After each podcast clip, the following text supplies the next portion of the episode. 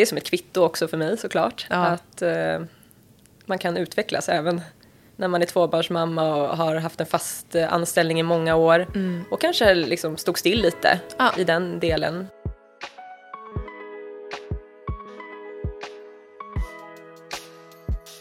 Välkommen till ett nytt avsnitt. Idag har vi en underbar kvinna som är entreprenör. Hon sa upp sig från H&M, sin trygga anställning och startade sitt eget varumärke Mandy Breeze. Hej Amanda Panahi! Hej! Hur är läget? Det är bra. En eh, händelserik vecka. Ja, Mycket, vi har flyttat in i ett nytt showroom. vad kul! Började morgonen med lite sådär familjestök, Ja. som det bör. Som alltid. För du har två barn, eller Ja, jag har två barn. Eh, de är fyra och sju. Mm. Sen har jag haft ett mm, frukostmöte med en eh, redaktör på L Vad som kom förbi vårt showroom. Så att det, nej men det är jättebra med mig. Mm. Ja. Gud vad kul! Berätta mer om det här showroomet.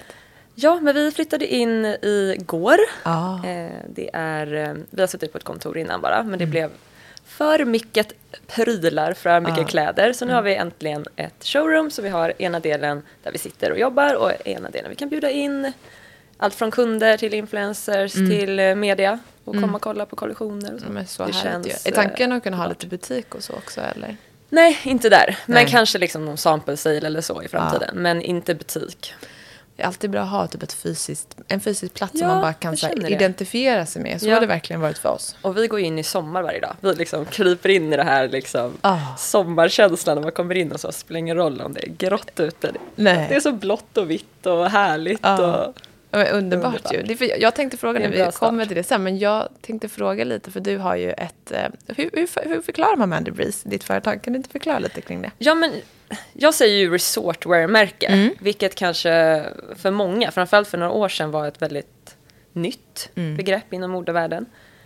Jag fokuserar väl lite på, jag ska inte säga semester, för det går precis lika bra att ha var du än är. Mm. Men jag fokuserar på sommaren. Mm. Jag fokuserar på uh, människors härliga stunder i livet. Ja. Det är inte den här, kanske garderoben du har måndag till fredag, Nej. november till april. Mm. Men när du är, uh, ja, när du äntrar sommaren, det är Mm. där vi kommer in i bilden. Gud vad härligt. Det känns som att vi svenskar behöver lite sådana. Ja, eller hur? Nej, men jag har själv alltid varit, eller alltid har jag väl inte, men väldigt länge varit intresserad av just resortwear. Ja. Och har haft koll på mycket varumärken runt om i världen. Var det så idén uppkom, liksom, att du alltid har varit intresserad av kläder och mode? Eller hur, hur kom Ja, idén om ett eget absolut. varumärke? För du, Ja. du som sagt jobbade ju innan på H&M. Ja. Vad, vad gjorde du då i din roll på H&M? På H&M var jag inköpare, Mm. jag började som inköpsassistent. Eh, gick över till inköpare efter några år. Sedan jobbade jag lite mer med produktutveckling, inte direkt inköp utan mer med, med bara produkten och kvalitetssäkring, material. Så min grundutbildning i, är i textilproduktutveckling. Okej. Pluggat mycket då i materiallära, Mm. i hållbarhet. Mm. Så jag har jobbat med lite olika grejer på H&M och lite olika produktgrupper. Mm.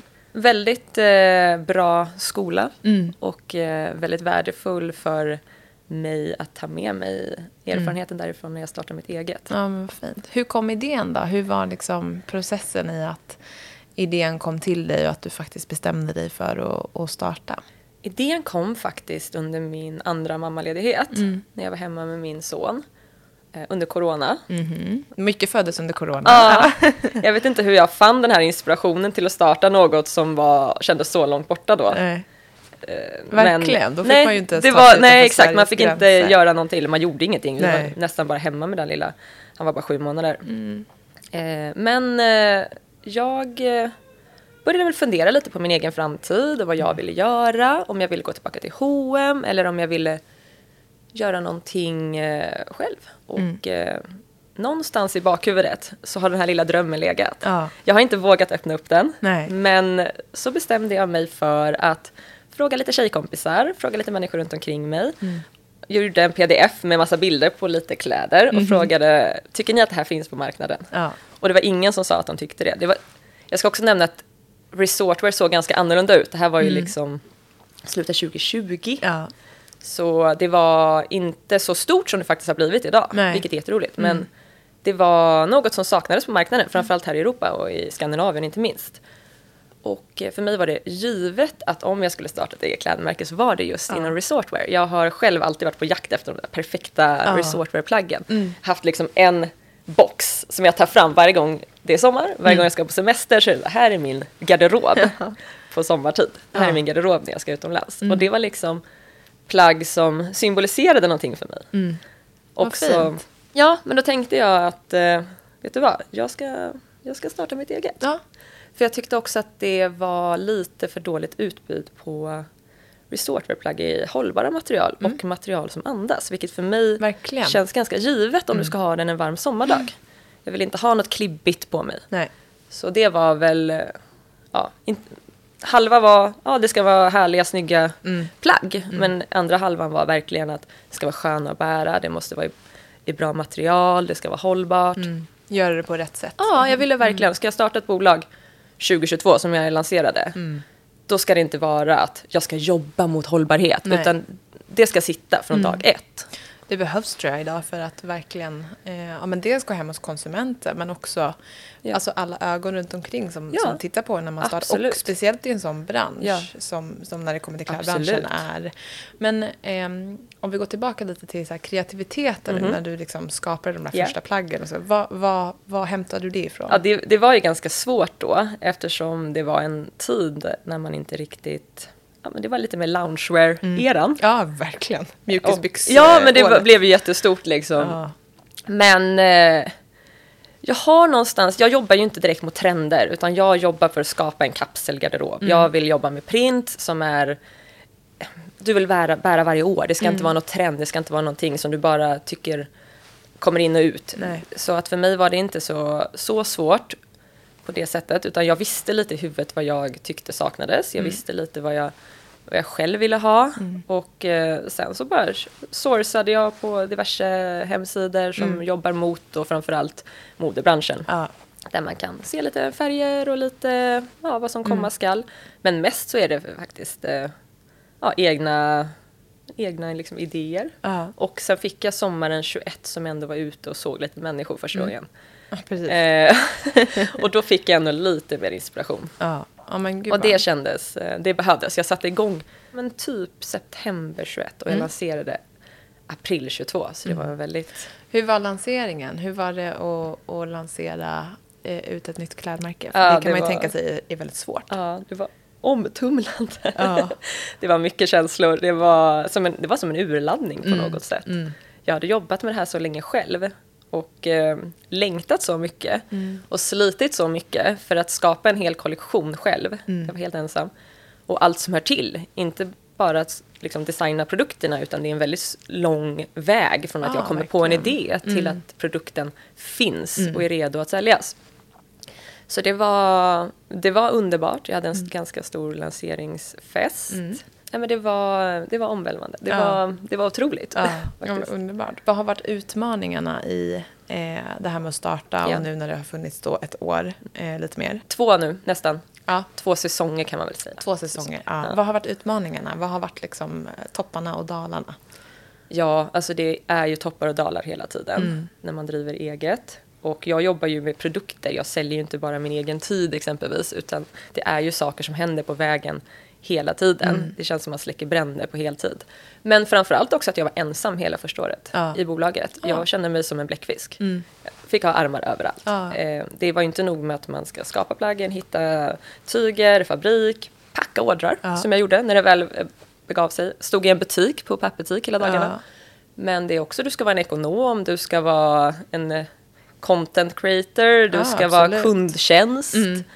Du ska vara mamma till två barn. Det, var, det har varit många utmaningar. Mm. Eh, Jag anställde Ellen som jobbar för mig Ja. och det var det bästa jag har gjort. Ja, gud vad skönt. För nu kan jag ju fokusera, jag är ju överallt fortfarande, men Mm. jag kan fokusera lite mer på den kreativa sidan och eh, plaggen. Ja. Så försöker jag Är det det du vill fokusera mest ja, på? det är absolut det jag fokuserar mest på. Det är där jag känner att min styrka är och det får aldrig komma i andra hand. Nej. Nej för att jag precis. måste ta hand om kundtjänsten, vilket jag tycker var väldigt roligt, för jag fick Ja. ju en väldigt nära kontakt med kunderna. Mm. Men det är skönt att kunna ge all min, mitt Ja. fokus på Ja, att skapa jättebra. plaggen, för det är Ja. ändå det i slutändan som ska säljas. Ja men så är det ju. Och någonstans där i början så är det också bra tror jag att man får göra allt. Ja. För, för mig som när jag startade, eller när vi startade så jag var höggravid och då slog det till liksom. Och vi hade du vet 200 Ja. mejl i kundservice och det var bara jag. Och jag var så här vecka 39 Ja, och bara, okej, det, är bara, underbart. det är bara att köra. Men man lär sig så otroligt mycket av den tiden. gör och också eh, växer ganska mycket av den tiden också. Eh, och det, och det, jag tycker framförallt att de, när det, när det händer, Ja. liksom, att det är så här, de tiderna är också bra att ha när det går lite sämre. Att så här, ja, men kunna leva på de, där, eh, på de där lärdomarna också. Jag håller helt med. Mm. Och jag har många vänner och även eh, familj som eh, såg mig växa Mm. med Mandy Breeze. Och det, är, det är väldigt, det är som ett kvitto också för mig såklart. Ja. Att eh, man kan utvecklas även när man är tvåbarnsmamma och har haft en fast eh, anställning i många år. Och kanske liksom stod still lite Mm. Ja. i den delen. Trodde kanske inte att jag skulle våga eller Nej. göra det här. Och trodde kanske inte helt och hållet på mig själv. Mm. Så det är ju väldigt kul när nära och kära ser den här resan Mm. man har gått igenom och verkligen ja, stöttar. Och. Verkligen. Gud, Jag fint. håller med dig också om att eh, man behöver den. Att packa ordrarna var en stor del av att komma nära kunden. Ja. Förstå sig på sitt bolag. Det var ja, man blir så tacksam. jättekul. Liksom, bara för Varenda order, alltså. ja, man blir, det blir så otroligt Som tacksam. overklighetskänsla också på samma gång. Om, vi, du pratade lite om människorna runt omkring dig när du startade och så. Fanns det eh, någonting du märkte med någon runt omkring dig som liksom tog avstånd eller inte var så stöttande eller något sånt? Eller var det bara liksom... Nej, jag tror att eh, föräldrar kan ju vara lite oroliga. Självklart. För att ja. du lämnar något tryggt. Mm. Och eh, de vill ju bara dig väl. Ja. Det kan vara så här, oj, Vad gör du nu? ja lite så. Ja. Men eh, nej, på det stora hela bara stöttningar. Gud, vad skönt. och det är faktiskt, Ja. och framförallt då från min man. Mm. Och det har ju varit det viktigaste för Mm, mig. Att vi verkligen. har gjort det här lite som ett team. Ja, nej men det är så viktigt när man startar någonting och när man, man, för man dedikerar ju så mycket av sin tid Ja. och sin uppmärksamhet och ta- tankeverksamhet till någonting på fulltid. Så Ja. även om man är mamma eller liksom fru eller vad som helst, det, det kräver ju på ett sätt som ett annat jobb inte gör. Liksom. 100 procent. Och det var första gången jag gjorde det här, jag var 34 år. Och bara kastade mig ut i något nytt och Ja. det känns coolt. Ja, hundra procent. Jag tror också att så, här, så, så har jag hört från många, eh, och jag tror att vi pratade om det i, någon, i något annat avsnitt på den också, att här, när man får barn också, det är en annan kreativitet och annan kraft som föds med det. För man, man bryr sig, så var det för mig, att jag slutade bry mig lite mer om vad andra runt omkring tyckte och tänkte och man tänker mer på sitt egna. Och då, när tiden också blir så knapp, så gäller det att man verkligen vill ägna den åt någonting som är meningsfullt. 100 procent När igenkänning. man ska vara ifrån Ja. sin familj och Ja, barn. Och liksom. 100 procent Ja. igenkänning i Mm. allt i livet. Mm. Sen man får barn. Men det är ett helt annat, nytt fokus. helt nytt fokus. Hur var det för dig när du fick eh, ditt första barn? Det var både och, Mm. om jag ska vara ärlig. Mm. Det var, jag var först i min vänskapskrets. Du, mm. Jag också. Eh, Det är ju på gott och ont. Mm. Man får inga råd man inte vill ha, Nej. men man får inga råd man vill ha heller. Verkligen. Man är ganska utlämnad. Mm. Det var, jag har ingen släkt, vi har ingen familj i Stockholm. Nej. Eh, Så att det var egentligen, och min man gick igenom en jätte, ja men en prövande, positivt sätt, prövande tid på sitt jobb. Mm. Så jag var ganska mycket ensam. Mm. Eh, Och vi fick ju ett barn som skrek. Och sov dåligt. Eh, Hon hade väl både, ja de trodde väl att det var kolik, det var väl kanske bara att hon var en missnöjd bebis. Mm. För att hon älskar allting som har med vara större att göra. Mm. När hon började krypa blev hon glad. För då var det som att hon liksom tog... Klarar du själv? Ja, hon klarade sig själv. Så hon skrek väl konstant nästan i sex månader. Oj. Och det var hela nätterna och jag ammade och det var, Ja. det var en eh, tid av både väldigt mycket glädje men väldigt mycket utmaningar. Ja, det, det, jag, jag har typ exakt samma historia. Jag var först i min vänskapskrets. Jag fick ett barn, hon hade kolik i första sex månaderna. Och det är också väldigt svårt, för man får barn för det första. Och då är man först, och då bland alla vänner och sådär. Och sen får man ett barn som skriker. Man är inte riktigt med då heller på att det kan vara kolik. Eller. Man, man, man, tror ju på något sätt, så var det för mig. Jag trodde bara så här ska det vara nu. Ja, jag testade allt. Ja. Och, man, Mjölkfri och Ja. hit och dit. Och, och i det blir man ju galen. För man tänker, okej det här är mitt liv nu. Ja. Ja. och mitt första barnmorskebesök. Mm. Så kom jag in med henne, hon var tre veckor. De två första veckorna är de ju nästan helt tysta. Mm. Så den tredje veckan är liksom vände upp och ner. Ja. Mm. Och jag kommer in och hon bara skriker. Och barnmorskan är tyst. Hon säger ingenting. Hon väntar ut att hon ska sluta skrika. Hon bara, ah, man kan ju tro att jag är van men är det är så jobbigt att lyssna på det här. Men Och gud. säger till mig, som helt nybliven mamma, hon skriker mer än 10% av alla bebisar. Nej, men, Du måste sluta med allt som har med mjölk att göra. oj. liksom fick den rakt över mig. Jag Rakt. gick där hem, jag, kan, jag kommer fortfarande ihåg, jag gick där och bara storgrät Ja. när jag gick för min första BVC-besök. Ja. Helt ensam. Nej men usch, det där är så hemskt. Jag var, alltså jag, det är så roligt det här för jag har verkligen exakt Samma. samma upplevelse. Ja, jag var hos barnmorskan, hon grät och grät och grät och hon kastade ut mig i rummet så att hon skulle Ah. ta nästa patient.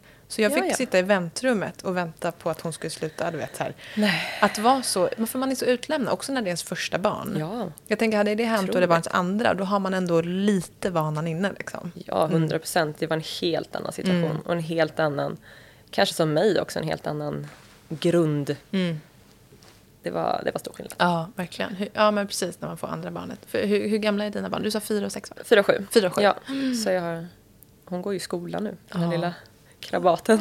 Gud. Som skrek hela nätterna. Ja, det går så. Nu går det inte att väcka henne istället. Nej men gud, jag bara, jag längtar. Det är tvärtom nu. Det har kommit. I morse var det jag som försökte få upp dem. Ja, gud vad För jag var tvungen att gå upp tidigt. Det tycker jag låter som en bra Och vi, hela familjen skulle upp. Men Ja. ja, ja det är kul. Ja. Men om vi går tillbaka lite till Mandy Breeze och sådär. Vad är, eh, jag är lite nyfiken på ha, hur det har gått sen start och liksom eh, rent försäljningsmässigt så antar jag att det är liksom stor skillnad på sommar och vinter eftersom vi ändå lever i Sverige. Hur har. Ja, den 100%. processen sett ut? Absolut.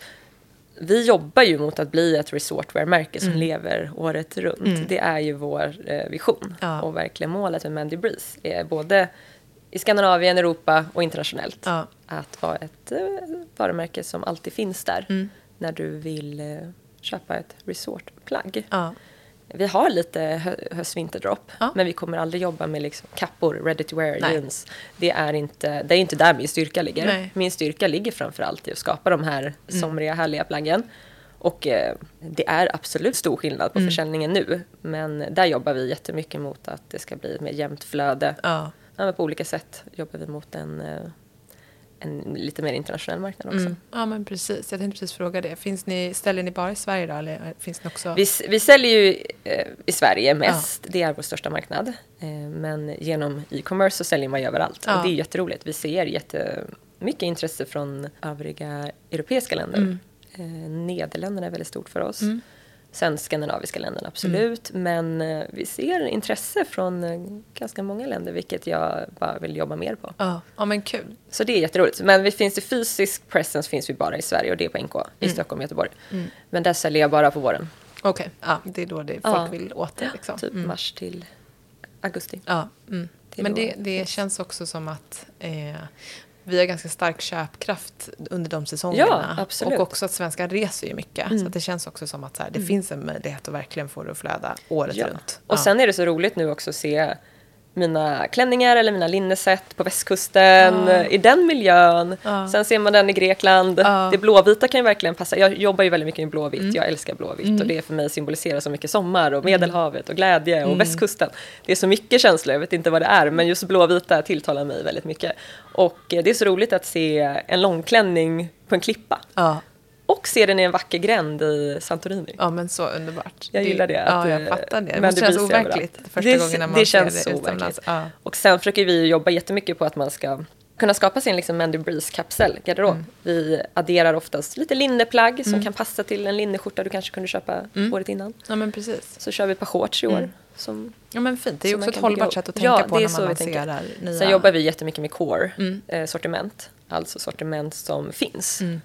Mm. Och eh, jobba mot att, att man inte behöver tänka in ut. Nej, precis. Utan att eh, det gör väl ingenting att jag skapade det här plagget 2022. Mm. Det går ju att köpa nu också. Mm. Och det är precis lika vackert. Mm. Och precis lika...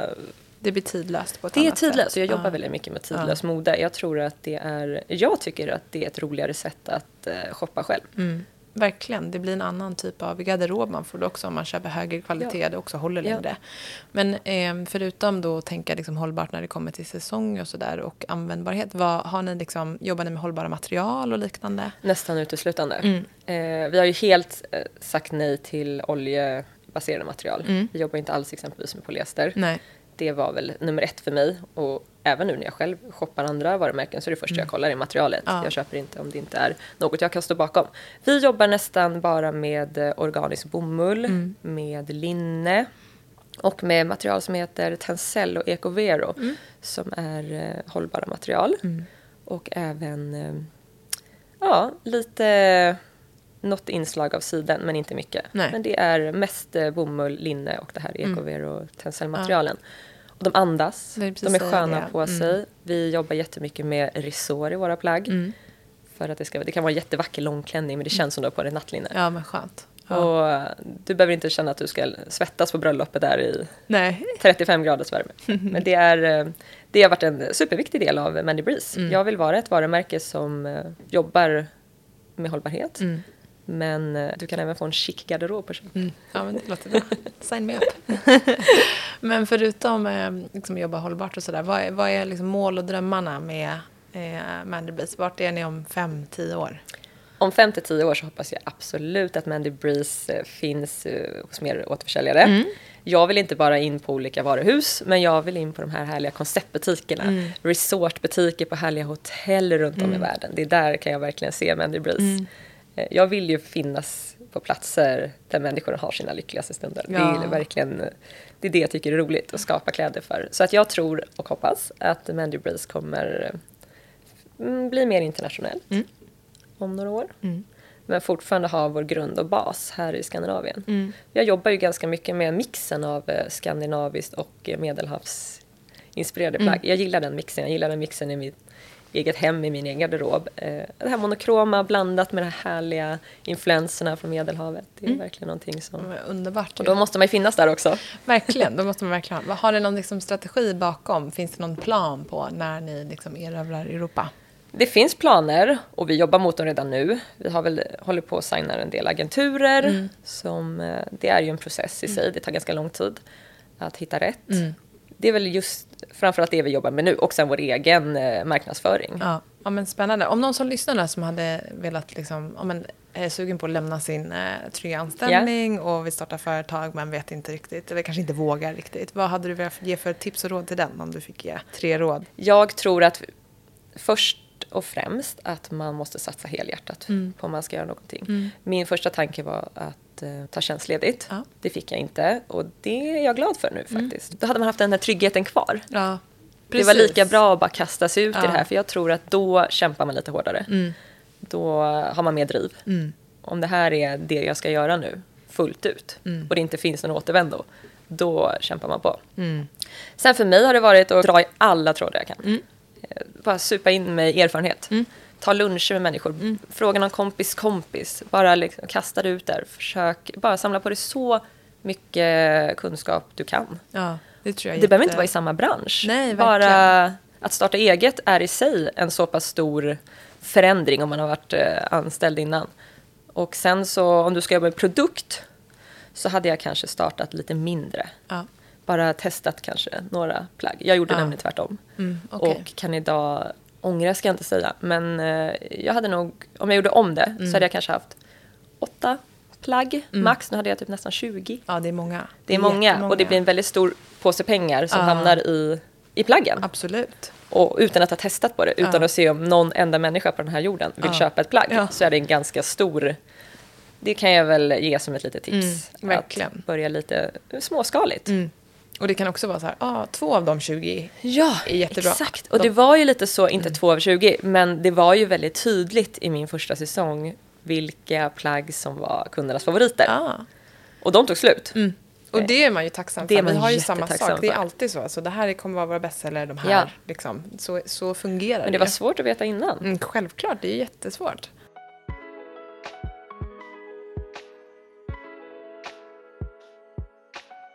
Jag tänker att vi eh, ska gå över till att prata lite om hälsa och välmående och sådär. Vad är viktigt för dig när det kommer till att må bra? För mig är väl topp ett är att vara med min familj. Mm. Eh, Det lilla i livet som är det största. Mm.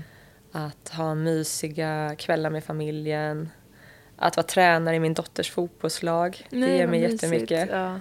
Eh, där kan man också öva ledarskap. Mm, 27-åriga tjejer. Ja. Så det, är, det kan vara både upp och ner. Ja. Det, men också att eh, träna, det är jätteviktigt för mig. Mm. Är det liksom din rutin för att må bra? Att tra- Ja, träna? Och... ja. Vad tränar du då? då? Jag tränar på The Place, kör megaformer och Mm. cykling. Sen har jag och min man en PT ihop, vilket är jättemysigt. Så vi har en dag i veckan när vi kör ett PT-pass och så tar vi en liten lunch efteråt. Det är en ganska mysig grej att göra dejt. ihop. Men sedan så har jag tidigare gått hos en tjej som heter Filippa, som har så här raw clarity heter Ja, det. exakt. Och jobbat på min, min holistiska hälsa. Ja. Det gav mig så mycket. Mm, wow, kan du inte berätta lite mer om det? Ja, det var en, en sex månaders process. Ja. Där vi gick igenom eh, allt i mitt liv nästan. Ja. Framförallt sådant som eh, stod i vägen för mig själv. Mm.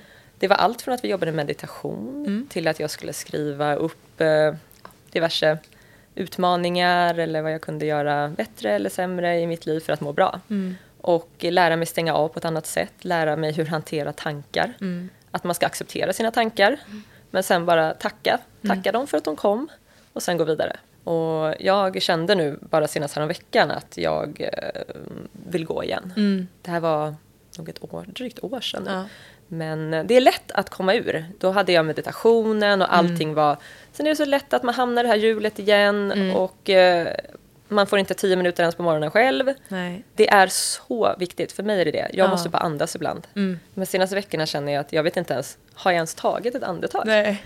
Man bara hållit andan i flera... Ja. Och så kommer man till Filippa och säger så här, ah, andas, sitta och bara...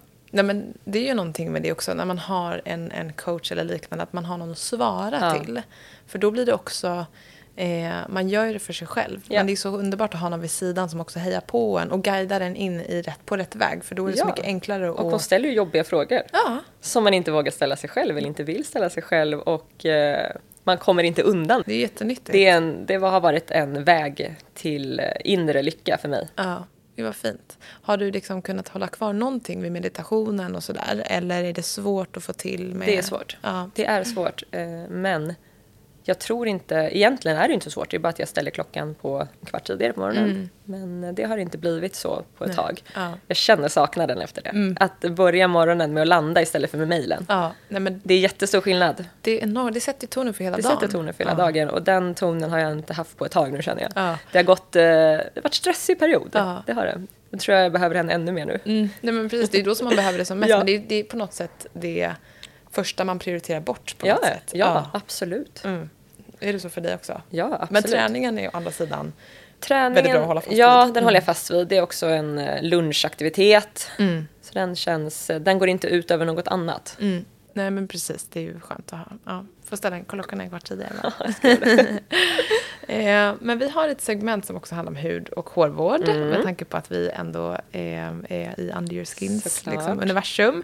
Hur, hur är din liksom, hud och hårvårdsrutin? Är det någonting som du gillar att göra som en tid för dig själv? Eller är det något som du också, som meditationen, bara liksom prioriteras bort? Absolut något jag gör, Ja. men inget jag njuter jättemycket av. Nej. Jag har ju byggt ett jättefint badkar. Ja, jag har en bastu, Ja. men det är inget jag använder. Nej men, herregud. Jag måste bli bättre. Ja. Mina kompisar som är badgalningar undrar vad jag håller på med. Men eh, det är eh, hudvård framför allt. Mm. är väldigt viktigt för mig. Mm. Jag har rosacea och eh, perial dermatit. Ja. Och för att det ska vara i schakt så går jag på en ganska strikt eh, hudrutin. Ja, okej. Jag går hos en kvinna som heter Lena som är en hudterapeut som är um, otrolig. Ja. När jag frångår hennes eh, kurer Ja. så blir det inte bra. Det jag fick en utskällning förra året. Nej. Jag hade testat något annat. Nej. Men eh, jag använde ett varumärke som heter Alex Cosmetic till min hud Mm. och det funkar jättebra på mig. Och sen att gå på behandlingar som inte får rosacean att blomma upp. För det är väldigt många som bara kör på. Ja, och många gånger när man har rosacea och eksem och sådär Ja. så är väl, man, man är väl ganska känslig mot typ syror och den typen av grejer som också är väldigt trendigt. Ja. Det är väldigt lätt Exakt. att liksom... Ja, jag ska ju inte göra sån här PRX. Nej, Hon skulle aldrig göra det på mig. nej men precis. Vi brukar köra örtpeeling. Åh, det är helt underbart. Ja. Det, eh, det funkar jättebra för min Mm. hud. Och sen kan hon köra de här de här, men hon gör med jättelite och så kommer hon liksom från sidan istället för att trycka rakt Ja. på rosacean och stimulera Ja. upp den. Ja. Så vi hitt, hon hittar eh, Sätt. sätt, för det Ja. har inte varit aktivt på jättelänge nu. Gud vad bra, vad skönt. Har du haft perioder tidigare i ditt liv där det har varit väldigt aktivt? Ja, absolut. Finns det någonting, koppling mellan rosacea och typ stress och så? Eh, att det triggas eller är det rent bara hudlagret? Jag vet faktiskt inte. Nej. Jag vet det är mycket som kan trigga. Mm. Exempelvis alkohol och bastu just och det, sådant. Just det, värme. Men all stress påverkar väl negativt på allt så det Mm. gör väl säkert det också. Mm. Skulle jag gissa på. Mm. Och eh, med håret, men jag har tappat ganska mycket hår så där är jag väl Mm. lite Ska jag skicka med dig någonting när du Ja, jag tror du behöver det. Det här serumet såg för trevligt ut. Men, Jag behöver få igång den här hårstimulansen. Ja, exakt. Jag har lite varit den personen som tar det som är hemma. Ja, jag fattar. Mm. Det är enkelt att göra det. Också när man kanske inte har, intresset eller man har bråttom. Sån var jag innan, innan jag liksom startade Under Skin. Att jag inte, intresset var liksom inte så överstort och då är det också så här, då tar man det som är närmst typ. Ja, men lite så. Det är samma sak med Mandy Breeze. Jag kunde shoppa klänningar för en fredagkväll Ja, för några år sedan. Ja, nu har jag inte jag shoppat fast fashion på flera år. nej. Det, Det är, en, väldigt vana. Härlig, ja, det är en vana och det är väldigt härligt när man kommer över den Ja. vanan till någonting som, som verkligen fungerar. För det, jag tycker också just med typ mode och sånt där att man är så här Handlar man så, då har man aldrig någonting att ha på sig. Nej. Då stämmer det. Nej. Liksom. Men handlar man medvetet och hållbart och långsiktigt, ja, men då, då har man sina liksom, olika eh, segment typ, i sin det garderob. absolut. Ja, Ja. Verkligen. Lite så kan man jobba med hudvård också, att man får tänka långsiktigt. Ja, Tänka kortsiktigt, då hakar man på de här syrorna och sånt och då blir det kaos. Exakt. Ja. Nej, det är inget bra. Nej, verkligen. Men vad roligt. Vi har faktiskt ett ansiktsgrej. Jag, får prata med hon eh, Lena och se om det kan vara någonting för rosacea också. Ehm, har du någon syn på liksom naturlig eller syntetisk hudvård? Eller är du liksom inte så insatt i det? Jag är inte superinsatt. Eh, Alla nischar väl sig inom sitt område. Ja. Jag, eh, jag skulle säga att det är lite 50-50 i min, Mm. i min låda. Ja. Jag har jobbat lite med de här deodor- deodoranterna Mm. som är organiska, jag kommer inte ihåg vad den heter. Nej, Det är en vanlig sak också. det är en vanlig sak. Där Men måste man eh, verkligen... den funkar faktiskt. Ja, men vad kul. Sen jobbar jag ro- rosserum. Okej. Det är det som eh, funkar väldigt bra Gud, det lät väldigt härligt. Mm. Ja. Men just det här med deodorant utan aluminium antar jag då att det Ja, är. exakt. Det är ju också någonting som verkligen man kan behöva vänja sig in vid beroende på lite, lite sen Ja. när man startar och så. Men eh, det är ju något som jag tycker, alltså så här, använder man ingenting annat naturligt, fine liksom. Men en deodorant som inte innehåller aluminium. Just för att liksom, Ja, det känns skönt. Ja, forskningen säger en sak. Liksom. Ehm, ja, men vad kul. Vi börjar närma oss lite slutet här. Vi har alltid liksom ett återkommande segment där vi eh, ställer tre frågor. Och om du fick välja en rutin, och det kan vara vad som helst, som alla jordens människor skulle behöva göra varje dag för att må bra, då. Mhm. Eh, vad hade det varit? Det hade säkert varit meditation, för det Ja. finns inte mycket som eh, ger dig så mycket insikt Mm. och som grundar dig på det sättet som meditation gör, men även träning. Mm. Jag tror verkligen att röra på sig är A och O för ett hälsosamt och långt liv. Ja, verkligen. Det är det. Ja, jag brukar tänka ibland typ så Och här, äta tänk, bra. Ja, tänk om alla typ världsledare fick här, Träna lite. Träna och meditera och må lite bra. Ja. Så här, kanske hade sett lite Underbart mer fred i världen varit då. Ja, verkligen.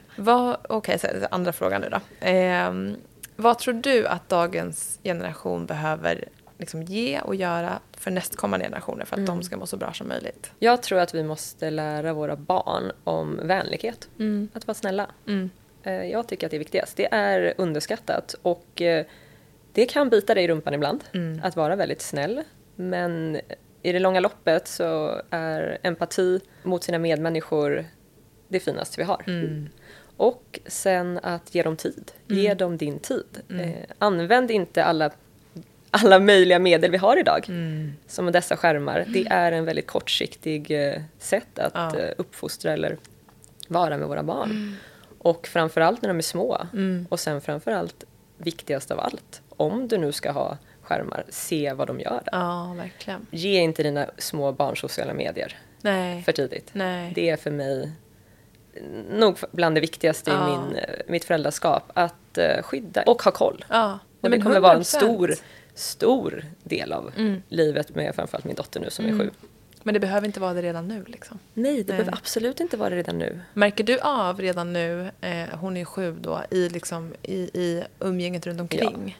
det är absolut. ju faktiskt sjukt. De är sju år. Ja, nej, Vad är det då som används? TikTok och så? Eller? Nej, det tror jag säkert att vissa får kolla på på sina Ja. föräldrars telefoner. Så. Mm. Men eh, det är mer att de vill verkligen vara stora just nu. Okej. Det är den, de vill ha telefoner. Ja. De vill ha, det är klockor med, man kan ringa på mässa och sånt där. Ja, okej, jag, vi säger ju nej till allt. ja. För hon är inte redo. Nej. Och hon ska inte in i den här världen än. Hon ska vara Nej. ett barn som Ja. leker. Hennes roligaste, det roligaste hon vet just nu är att sy. Hon har en liten symaskin som hon och hennes kompisar sitter och syr hemma. ja. Jag vill inte ta bort lyckan man får i att skapa något eller ha roligt Nej. eller leka. För skärmarna tar lyckan. Ah, Det finns inget som ger oss så mycket snabb, Exakt. snabba lyckokänslor. Ja. Och det kan ju vi vuxna också känna av. 100 procent. Varför vill vi då ge det till våra små barn? Absolut, det är ju så mig enormt är det beroendeframkallande. jätteviktigt. Ja, Jag tror att det behövs lite vuxnas eh, ambitioner här för att inte barnen ska hamna Mm. i ett liv där man styrs av jag är helt sociala med på det. medier och Ja. vad andra människor gör. verkligen. Det är en lyx idag att liksom inte behöva veta vad människor runt Ja. omkring en gör. Och, Man blir så påverkad. Tänk små Mm. hjärnor. nej, men, som bara ska lära sig. hur påverkade blir inte de? Ja, är, verkligen. Nej, men det, vi själva blir påverkade. Ja, Och vi vuxna. Jätte. Tänk på hur man själv så här, tar in jämförelse Ja. och de bitarna. Ja. Och då ens för barn då, där hjärnan inte är så utvecklad Nej. och kan förstå konsekvens Nej, och att saker är, inte heller är helt sant. Nej. Det man ser och så vidare. Det, det ger ju sådana otroliga konsekvenser i en fas där man verkligen bara ska utvecklas Ja. åt ett positivt håll. Liksom. Det krävs nog att vuxenvärlden hoppar in lite där. Ja, verkligen. Det, det håller jag med om. Jag tror, jag tror det så här, precis som du sa, att den här forskningen om att en iPad Ja. ger mer Ja. av serotonin, tror jag det var. Ja, Alltså, ja, är- eller dopamin. Dopamin eller, kanske det var. Ja. Än någonting annat runt omkring i verkliga världen kan ge någonsin. Och Blev den, man inte livrädd då? den insikten är bara så Jag tror att läskig. många, jag vet att många i min närhet blev, fick verkligen insikt i det. Min med. Det är en avvänjningsprocess men den är inte så lång. Nej, det är som nappen. Alltså Ja. sådana där grejer. Oh, nappen. Ja, jag bara säger ingenting, jag ska precis börja. Nej, det är bra, det är bra. Jag ska inte säga något. Ehm, Okej, sista frågan. Vem hade du velat se som gäst här i podden? Elin Kling. Ja. Jag är så inspirerad av hennes resa Ah. med Totem. Jag tycker Ah. att det är helt otroligt hur man kan komma in i en ganska mättad marknad som ändå hennes nisch är Ja, verkligen. Och bara ta över. Ja, ta över på Det det. är så coolt. Concrete all, det är jättecoolt. Det är jättecoolt. Ja, det är Jag kommer ihåg henne från Stureplanstiden, Ja. den här bloggen och bara det, där hon är idag. Mm. Det är superhäftigt. Nej men det är verkligen det. Ja. Det är super, superhäftigt. De det är målbild. Ja, Elin och Karl de är, de är superhäftiga verkligen. Så att, ja, bra, bra, Bra. bra, tips gäst. Jag får jobba på det. Ja. Men du, om man vill hitta dig och ditt märke och sådär, var hittar man dig då? Just nu hittar man mitt märke på mandybreeze.com. Mm. Som sagt till våren på NK Designers Gallery igen i både Stockholm och Göteborg. Och förhoppningsvis lite andra platser runt om i Europa. Spännande. Vi får se. Mm. Och eh, på Instagram heter jag Amanda Panahi 1 och Shop Mandy Breeze. Ja, underbart! Det, där hittar ni mig. Ja, jättefint. Men du, tack så jättemycket för att du Tack kom ska hit. du ha, det var så roligt. Det var jättemysigt. Vi hörs. Ja, det gör vi. Hej!